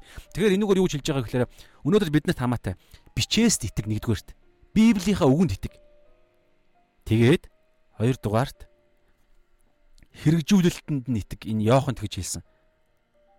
Үдсэн дуулснаа та нар Йоханд хэл гэж байгааз үдсэн үдснээр хэл. Сонссноо хэл. Энэ юу вэ? Тэр иш үзүүлэг нь биелсэн байхгүй Есүсийн үед. Тэрэнд итэг. Түүнээсээр өөрийнхөө ойлголтондоо битээ идэг. Месиа ирээд манай арт түмнийг одоо энэ Ромын хаанч боолчлоос чөлөөлн мөлөөлнө гэсэн чинь өөрсдийнх нь тайлбар бичээсийг тайлсан тайлбар нөхгүй. Тэр өөрсдийнх нь тайлалдаа битгий идэг. Яг бичээсийн хэлсэн үгэнд нь итгээд тэгээд тэр нь би энэ дээр газар дээр бисаа биелүүлж байгааз тэрэнд итэг. Тэгээд миний хийж байгаа зүйлсүүдэд итэг. Бурхны ажилд итэг. бүх үеийн төлөөх ажил. Өнөөдөр бид нарт энэ хамаатай. Бид нар өнөөдөр Библиэд итгэх хэрэгтэй. Тийм учраас Библи юу хэлдэг вэ гэдгийг бид нар маш сайн ойлгох хэрэгтэй. Баян Библи рүү очиод байгаа зү. Баян бичээс рүү очиж байгаа. Баян Библи юу гэж хэлдэг вэ? Тэгэхээр Библи чинь тэр чигээрээ загалмай дээр төвлөрдөг. Есүсийн Есүсээр дамжуулан загалмаа үйл явдлаар дамжуулан Библийн 66 ном бүгд тайлагддаг. Зөвөөр тайлагддаг гэсэн үг. Библи нь Библиэ тайлдаг гэсэн үг. Түүнсээр бидний өөрсдийн маань ойлголт бодол биш. Бидний дотор чөтгөрийн бодлууд хүртэл байгаа. Есүс рүү хүртэл чөтгөр бодлоор нь дайрчсан гэж бодлоо. Тэгэхээр бид нар лөө дайрах нь үнэхээр тодорхой. Харин Есүс ялсан, үргэлж ялсаар байсан. Тийм учраас бид нарт өнөөдөр ийм ярьж байна. Бичээс тэтг, Бурхны ажилд тэтг. Энэ Бурхны ажил чи юу юм? Бас л бичээс. Сайн мэдээний дөрвөн номон дээр бичигдсэн. Хуучин гэрээний иш үзүүлэгдсэн юмс шинэ гэрээн дээр бичигдсэн. Тэгэхээр ерөнхийдөө энэ энэ бол тэр чигээрээ бид нар Библиэд итэг гэсэн санаа. Түүнээс өөрсдийнхөө ойлголтондоо өөрсдийнхөө ойлголтондоо битгий түшиглээ. Сургаалт төгс 3 5 дээр. Тэгээ Матай Исая 55-ийн 8 9 дээр бидний бодол, та нарын бодол, бидний бодол өөрсдийнхөө бодолтой битгий итэг, битгий найд гэсэн үг. За энийг бүгдээр маш сайн ойлгох хэрэгтэй. Тэгээд Матай 11-ийн 7-оос 19 дээр за энэ дээр маш тодорхой би дурдчихна. Энд дээр юу болж байгаа вэ гэхээр Есүс Христ хэдийгээр Йохан ингэж одоо энэ хоёр дагалдагчийг нь явуулчихж байгаа. Явуулсныхын дараагаар нь яаж байгаа вэ гэхээр Есүс Христ Баптист Иохны талаар тойрон хүрээлж байгаа өөрийнх нь дагалдагч нартаа гэрчилсэн. Хэдийгээр Баптист Иохан сая эргэлзэж байгаа мэт боловч ямар агуу, ямар чухал, ямар гайхалтай хүн бэ гэдгийг нь Есүс Христ одоо нэг дөрвөн зүйлийг барьж гэрчилсэн. За нэгдүгээрт Есүс Христ Иохныг иш үзүүлэгч гэдгийг нь Бурханаас ирсэн жинхэнэ иш үзүүлэгч. Нэгдүгээр, хоёрдугаарт иш үзүүлэгчээс бүр илүү агуу нэгэн гэдгийг нь гэрчилсэн. 9-ыг бүгдээр уншия. Түүнийг ямагц хурсан олон Есүс хурсан олонд Иохны тухай ярьж эхлэв. За юу харах гэж та нар цөлдөө очисон бэ? Салхинд найх зэгсийгүү эсвэл өөр юу харах гэж очив? Хэнцэр хувцалсан хүнийгүү үзэгтэн хэнцэр хувцалснууд хааны ордонд байгаа. Тэгэхээр та нар юу харах гэж тийж очисон бэ? Иш үзүүлэгчийгүү. Тийм ээ. Иш үзүүлэгч. За хоёрдугаарт би танарт хэлье. Иш үзүүлэгчээс ч илүү нэг нэг. За одоо энэ дээр хар та. Исая одоо энэ Матай 11:10 дээр харагтун би би түрүүнд чинь зарлага илчээ илгэн. Тэрээр өмнөх замыг чинь бэлтгэн гэж бичигдсэн. Энэ хаана байдаг вэ гэхээр Исая 43 дээр байгаа Малахи. Малахи Малахи 3-ын 1 дээр байгаа. Малахи 3-ын 1 дээр болон Малахи 4-ийн 5 дээр Иохны талаар иш үзүүлсэн байгаа. Малахи чинь 400 оны оны бичигдсэн шүү дээ. Тэгэхээр а Йоханоос бүр 400 гаруй жилийн өмнө иш үзүүлсэн Йоханы талаар юу гэж байгаа вэ гэхээр Малахи 3:1 дээр хэлсэн харагтун өмнөх өмнөх замаа бэлтгүүлэхээр би зарлага илчээ илгэнэ. Тэр та нарыг хайд тэр та нарын хайдаг эзэн гинэт та нарын хайдаг эзэн гинэт өөрийн сүмд ирэх болно. Тэгэхээр түүнээс өмнө зарлагаа би илгэнэ гэж хэлсэн. 3-ын 1 дээр. За 4-ийн 5 дээр нь юу гэж хэлсэн бэ? 5 6 дээр нь юу гэж хэлсэн бэ гэхээр Миний зарц Мосегийн за 5 6 дээр харагтун эзний агуу аимшигт өдөр ирэхээс өмнө хардаа эзний агуу аимшигт өдөр гэж байгааз энэ хоёр өдөр байгаа шүү дээ. Нэгдүгээрт манай эртний 70 онд болсон Иерусалимийн шүүлт. Яг Израильчууд шүүгдсэн эзний аимшигтэй өдөр болсон бохоггүй юу? Яг бодтой. А нөгөөх нь ямар иш үзүүлэг байгаа гэхээр бүх үндэстнүүдийн шүүх эзний өдөр. Тэгэхээр аль альнаас нь өмнө би иш үзүүлэгч Илияг та нарт илгэнэ гэж байгаа. Тэгэхээр Габриэл ч гэсэн хин Изекэлд те Изекэл үлээ. Габриэлтэй Изекэл болон аа нэг нь хэм блэ? Йохны баптист Йохны аав ээжид нэрийг мартчихлаа. Аав ээжид нь аа аавд нь те аавд нь а иш үзүүлэлгийг Йоханыг төрнө гэж хэлэхдээ яг энэ үг хэлсэн бохоггүй одоо энэ дараа да. А Лук 1:17 дээр байгаа. Тэн дээр юу гэж байгаа вэ гэхээр тэрээр эцгүүдийн зүрхийг хүүхдүүд рүү хүүхдүүдийн зүрхийг эцгүүд рүү нэргүүлнэ гэж байгаа. Асар олноороо түүнийг гимшилт ард олныг гимшилт эргүүлнэ гэдэг энэ. Тэгээд Илиягийн сүнсээр Илиягийн хүчээр тэр үйлчлэх болно гэж луг дээр байгаа. За энэ дээр хар та. Захара аа Луг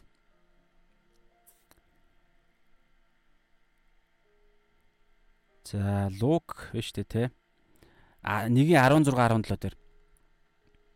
Тэр Израилийн хүүгүүдээс олныг эзэн бурханд эргүүлэх болно. Бас тэрээр түүний өмнө Илиягийн сүнс ба хүч дор Илиягийн сүнс болон хүч гэж байгааз. Тэгэхээр Йохан Илиягийн сүнсээр Илиягийн хүч дотор үйлчилсэн гэсэн. Тэгээ явж эцгүүдийн зүрхийн хүүхдүүд рүү хүүхдүүд дуулуургуучдын зөв дуулуургуучулыг зөвхтийн мэрэгэн ухаанд эргүүлэн эзний бэлтгэгдсэн ард олныг бэлэн болгох юм а гэж байгаа сте. Тэгэхээр аа яаж байгаа гэхээр нэгдүгээрт дөрвөн Иохны баптист Иохны талаар Есүс гэрчилсэн дөрвөн гэрчлэлийнх нь нэгдүгээрт нь Исея 43 дээр болон Малахи энэ Исея 43 дээр би тэр миний өмнө явж нөгөө нэг эзний замыг бэлтгэцгээ гэдэг цөлд хашгирагч нэгний дуу байхгүй юу?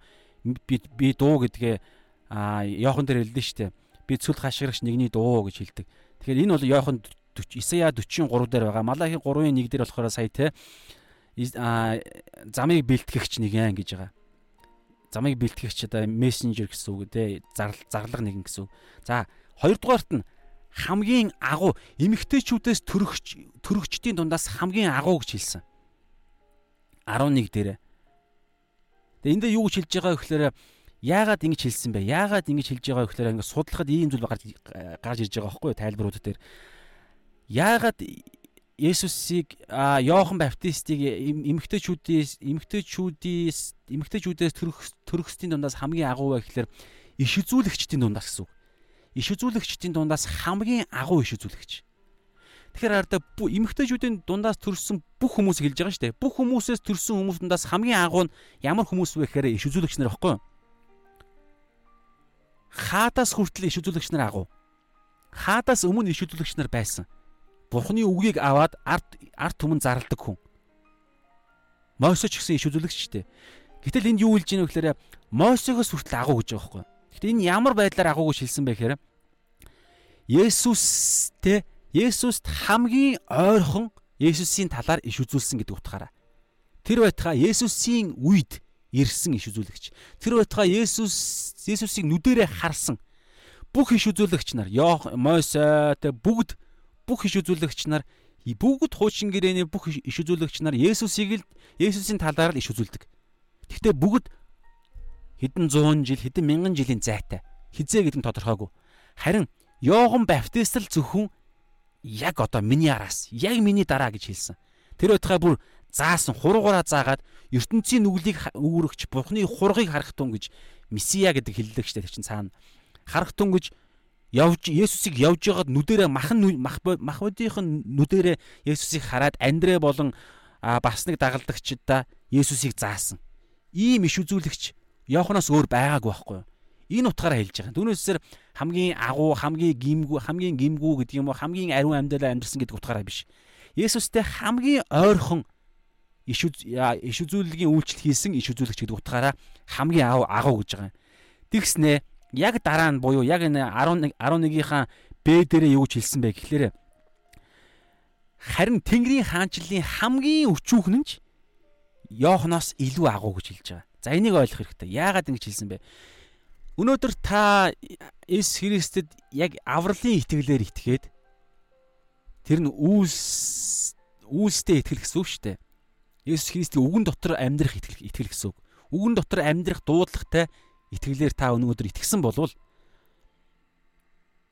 та ямар амьдралаар амьдрах нь хамаагүй хэр мундаг үйлчилж ийн гэдэг Библийн талаар хэр мэдлэгтэй байх нь хамаагүй та бид нар Йохан Баптистаас илүү илүү гэж байгаа байхгүй Есүс тэгж хэлж байгаа.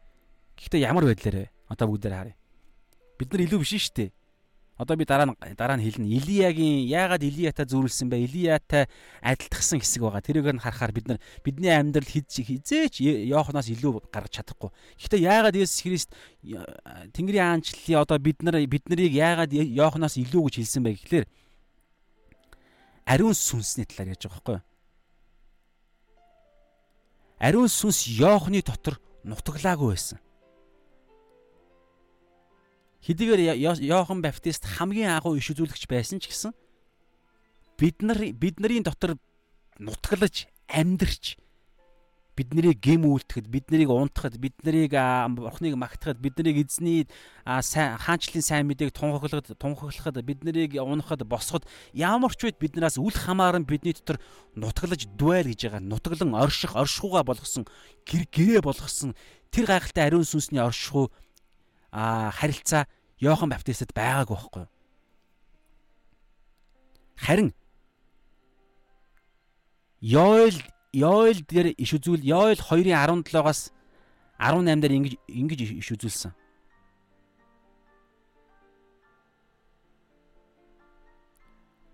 За би гаргаж ирээгүй юм бах та.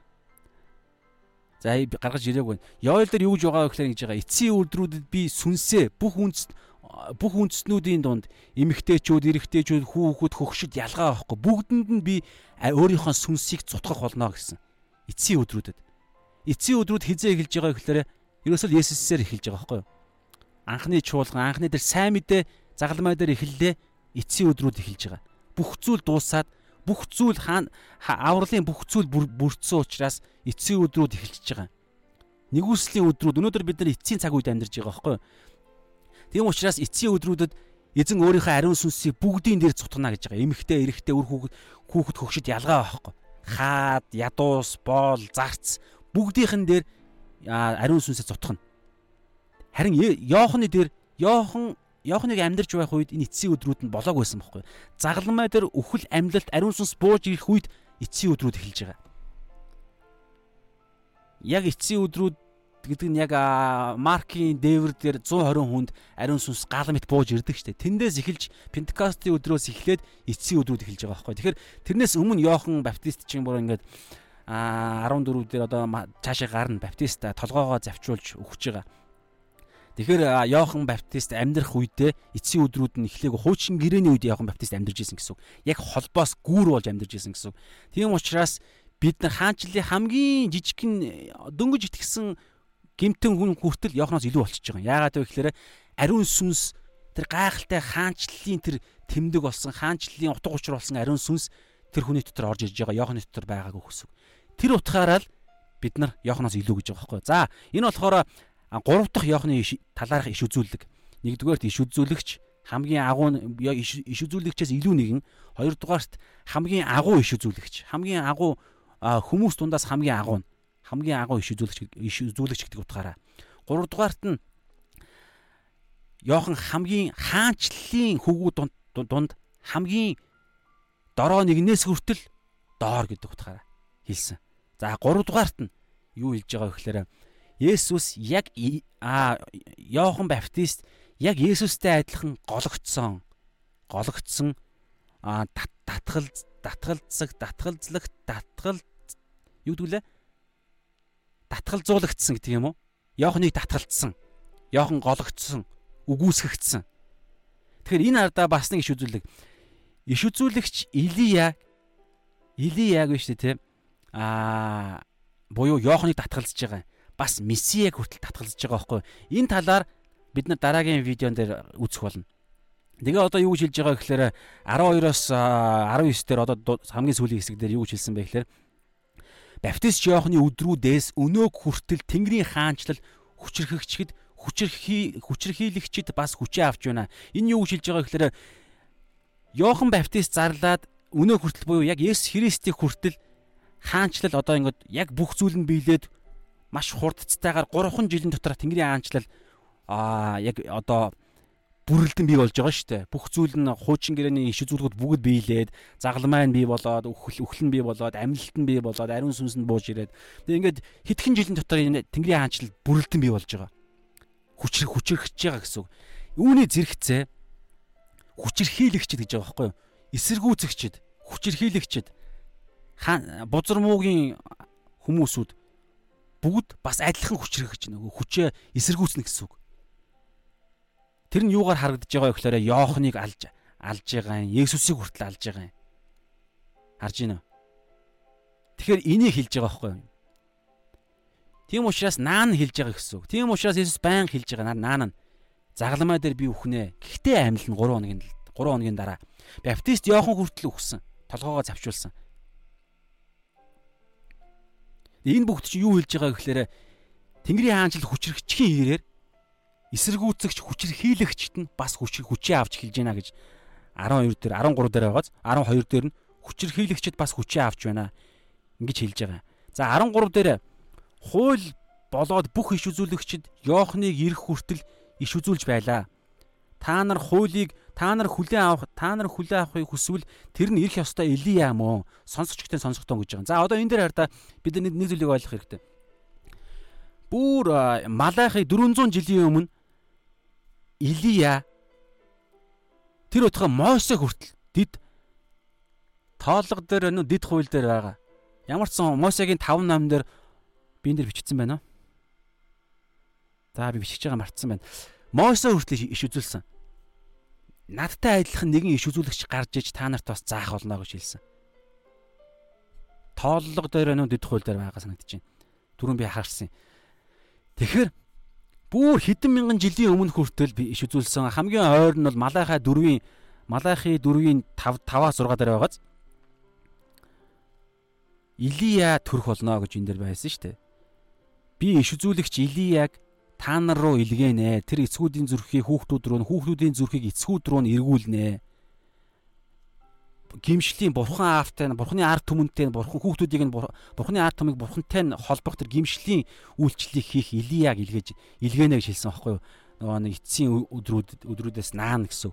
Тэгэхээр энэ энэ юу хэлж байгаа гэхээр Илия Йохан Йохан Илия байсан гэсэн. Гэхдээ ямар утгаараа вэ гэхээр түрүүн Габриэл дээрээс Лук 1:16 дээр хэлсэн, сая ч гэсэн хэлсэн.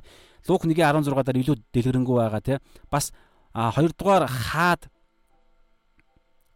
а Илиягийн үйлчлэл Илия одоо би энэ дээр хэдийн дурдаах юм. Илия Илия Йох хоёрын яг адилхан талууд байгаа байхгүй юу? Би олж мэдсэн зүйлсүүд. Тэгэхээр ямар ч гэсэн энийг ярихаас өмнө нэг зүйл хэлэхэд а Йохан Илиягийн үйлчлэлийн сүнсээр үйлчилсэн гэсэн үг шүү. Түүнээсээ Илиягийн сүнс а дахин одоо юу гэдэг нөгөө хойд төрөл гэдэг шиг Йохан болж ирсэн биш. Сүнс тийм ойлголт ерөөсөө Библиэд байдаггүй. Буддагийн шанын шишин Буддагийн тийм ойлголт Библиэд байхгүй шүү. Түүнээсээр харин тэр үйлчлэл нь бол хിവэрэ. Үйлчлэл нь бас байгаа. Илия ямар байдалтай үйлчилсэн, ямар зоригтой үйлчилсэн, ямар дүр төрхтэй үйлчилж байсан тэр үйлчлэлийнх нь тэр оронтоо, үйлчлэлийнх нь тэр хүч, тэр ажиллаж исэн цаана ажиллаж байгаа тэр сүнслэг, ариун сүнсний тэр хүч нь адилхан шүү дээ. Нэг л сүнс үйлчилж байгаа шүү дээ. Тэр нь бас яг адилхан аа Йохан дээр хэрэгцсэн гэсэн. За одоо бүгдээрээ адилхан хідэн хэсгүүд байгаа. За Йохан Баптист болон Илия одоо ингэ дуусч байгаа шүү. Йохан Баптист болон Илия хуйлаа яасан бэ гэхээр бузар мууг үйлчлэлийнхаа хугацаанд шударгаар илчилж байсан. За жишээ нь Илия яасан бэ гэхээр Ахабыг Ахаб Баал Баал одоо тэр эхнэр нь одоо хэн байхгүй юу? Изекэл лөө. Эхнэр нь юм блэ? За би тавьсан тавиаг тавиаг байна уу? Изекэл биш ээ. Изил. Оо За нэг нэр байгаа би мартчихлаа. Ахаби ихнэр гээд тэр нэг юм хорон муу эмхтэй байсан. Тэр эмхтэй эмхтэй нь өөрөө баа шүтдэг байхгүй. Тэгэхээр Ахаб Израилийн хаан Израиль лөө Юдагийн хаан альных нь үлээ?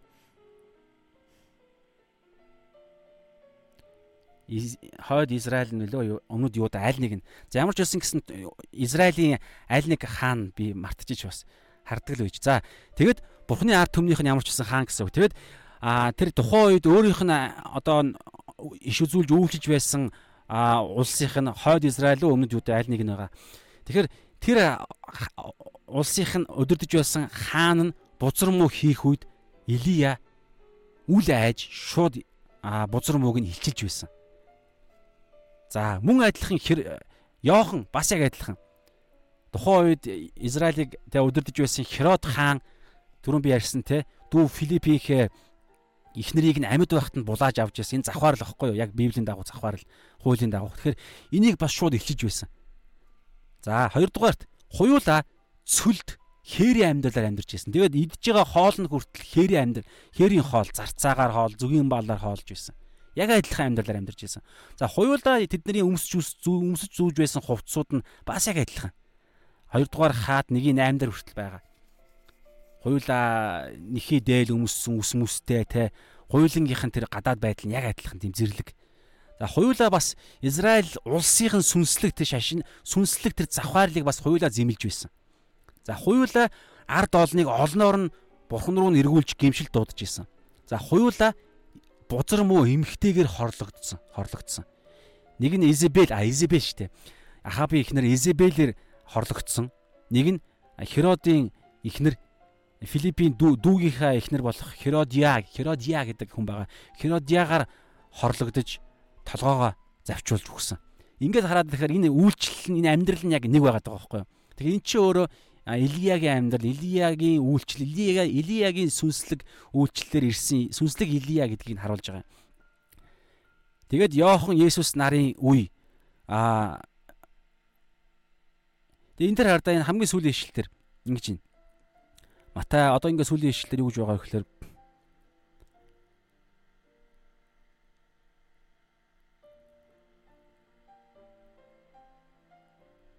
Одоо энэ дээр хардаа 18 дээр 17 дээр би танарт хэлье. За 16 дээр ингэж байгаа хардаа Йоохны амьдарч исэн үе, Есүс Христийн амьдарч исэн үеийн нэг юм онцлог байгаа байхгүй. Тэр нь юу гэхээр тэр хэлж байна.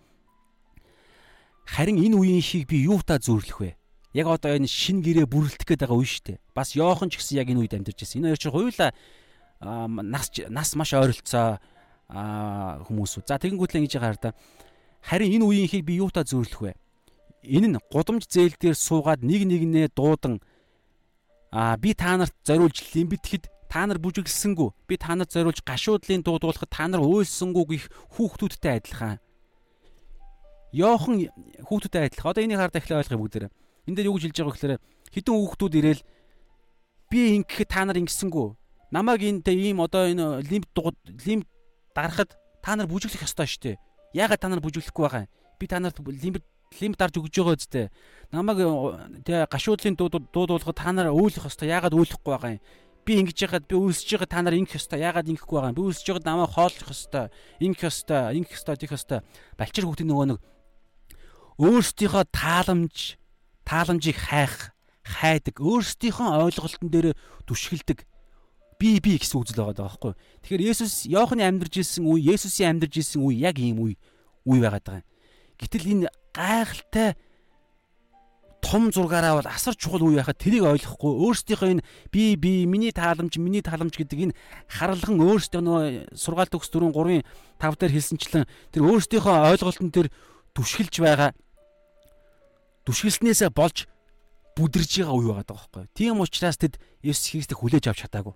Үүнээсээ болж манай эртний 70 онд тэд аа ял шүүлтэнд орсон. Тэгээ одоо хардаа яасан бэ гэхээр Йоохныг ингэсэн хардаа Йоохныг хоёр туул ярьж байгаа юм. Йохан ирээд яасан бэ гэхээр цүл тэрээр мацаг мацаг барьдаг амьдралаар амьдэрсэн. Йоохны идэхгүй уухгүй байх үе тэд нар Йоохны тэр цүлд байгаа тэр а мацаг барилтын амьдралыг хараад юу гэж хэлсэн бэ гэхээр түүнд чөтгөн шүглдсэн байна гэж хэлсэн. За тэгсэн чинь Есүс дараагаар нь ирээд Бурханаас ирсэн нэг хүнийг нь хараад нэг туйлаар нь амьдрахад чөтгөн шүглдсэн байна юу ч идэхгүй байна гэсэн. Тэгсэн чинь дараагаар нь Есүс ирээд хүний хүү ирээд идэж тэгээ одоо энэ өвчин архичин одоо гимтнүүдтэй хамттай завхаарх завхаарх давхаархсадтай янхнуудтай, татвар хураагч нартай, өвчин зовлонтой, гимтэй янз бүрийн хүмүүстэй хамт хооллох үед тэд нар юу гэж хэлсэн гэж хараач энэ ховдог архичин бас татвар хураагчид ба нүгэлтнүүдийн анд найзалдаг нүгэлтнүүдтэй хамт хооллдог гэж хэлж байгаа байхгүй. Ийм хүмүүс ярьж байгаа. Өөрсдийнхөө ойлголтон дээр дүшгэлдэг. Тэгэхээр дүгнэлт юу байгаа вэ гэхээр Йохан Баптист өөр Баптист Йохан бас өөрийнхөө ойлголтон дээр дүшгэлснээс болж месияг буруу ойлгоод бүдрэг шахаж байгаа байхгүй. Тэгээд тийм учраас шоронд байхтай хүртэл тэрээр өөрийнхөө шоронд байгаа байдлаа хүртэл хараад аа нэг талаараа бас сорилтонд орж байгаа гэсэн үг. Яагаад би шоронд орох хэвтэй вэ? Би мэдээж яг яг өөрөө хэлсэн шүү дээ. Би Йохан Йохан номдэр хэлсэн аа Есүсийн илч Йохан илч Йохан шүү. Йохан номыг бичсэн. Илч ном илчилт номыг бас бичсэн. Би буурч тэр өсөх ёстой гэж хэлэх нь хэлсэн. Гэхдээ л би буурсан ч вэ яасан ч вэ энэ Есүс Христ ирээд Израиль үндэстэн тэр чигээрээ энэ дэлхий дээр хаанчлах шудраг байлыг тогтоох шүүлтийг авчрах. Ягаад тэгэхээр одоо хараа л да. Манай эртний өмнөх 586 оноос эхлээл Израильчууд удаа дараа улс үндэстнүүдээр боочлуулж боочлуулсан баггүй юу? Манай 722 онд нь Ассираар боочлуул Ассирт эзлэгдээд хойд Израиль буюу 10 10 овг нь тэр чигээрээ байхгүй болцсон. Газрын хөрснөөс ачагдчихж байгаа байхгүй юу? Байхгүй. Самарчууд гэдэг нэг тийм цус холилдсон хүмүүс гараад ирж байгаа. За 586 онд болохоор Вавилоноор эзлэгдсэн. Тэгээд цөллөгт явсан. 70 жил ч гэдэг юм уу нэг 3 хамгийн сүүлчийнхэн 70 жилийн дараа ирж байгаа дараа буцаад ирсэн. Гэхдээ тэр цөллөгт байх хугацаанд Персээр бас боочлуулж байгаа юм. Манай эртний өмнөх 586 онд Вавилоноор дараагаар нь Персээр дараагаар нь Грекийн Александраар грекчүүдээр тэгээ грекийн грек хоёр гэрэний хоорондох 400 жилийн хугацаанд чинь грекчүүдээр боочлуулсан. Энэ үед нэг Макабийн бослого гэдэг нэг хэсэг хэсэг нь ганцхан 100 жилийн хугацаатай нэг аа тусгаар тогтнолоо тогтоодог. Энэ үед нөө фарисеучуд чинь гарч ирж байгаа юм. Синагог гэдэг ойлголт гарч ирсэн. Тэгэхээр грекчүүд дараа нь грекчүүдээр боочлуулсан. Дараагаар нь тэгэл Египтчүүд, Ассирчүүд грекийн тэр дунд байхдаа тэгээ дараагаар нь одоо ромчуудаар. Тэгээд манай эртний 70 онд яаж байгаа гэхээр ромчууд бүр дахиад израилчуудыг байхгүй болгоод. Тэгээ бүр манай одоо энэ 1948 онд л тусгаар тогтнолоо авч байгаа шүү дээ.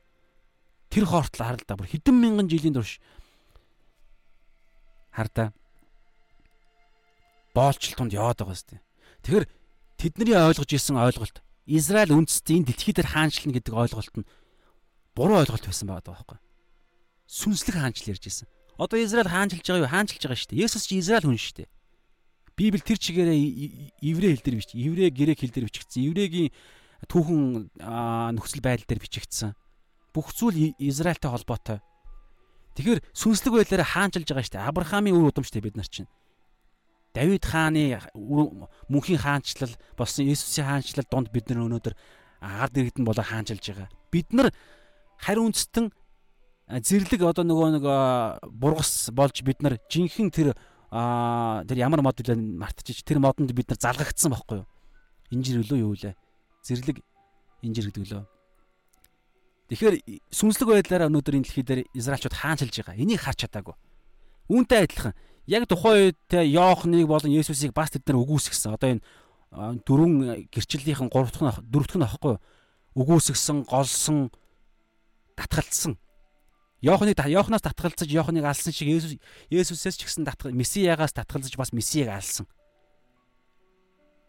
Ийм зүйлийг ярьж байгаа. За тэгэхээр өнөөдрийн хэсэг ерөнхийдөө энэ Тэгээд дүгнэхэд бид нар юу юу гэж дүгнэх вэ гэхээр өнөөдөр бид нар Исая 55-ийн 8-аас 9 9 болон сургаал төгс 3-ийн 5 Ром 8-ийн 28 дээр бид нар өнөөдөр бид нартай холбоотой маш чухал юм өнөөдрийн хэсэг яригдж байгаа.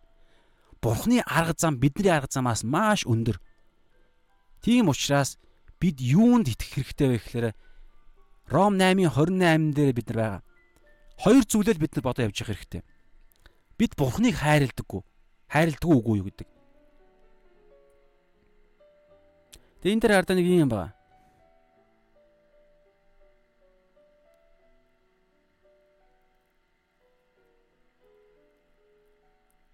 За. За бичөөх юм шиг байна.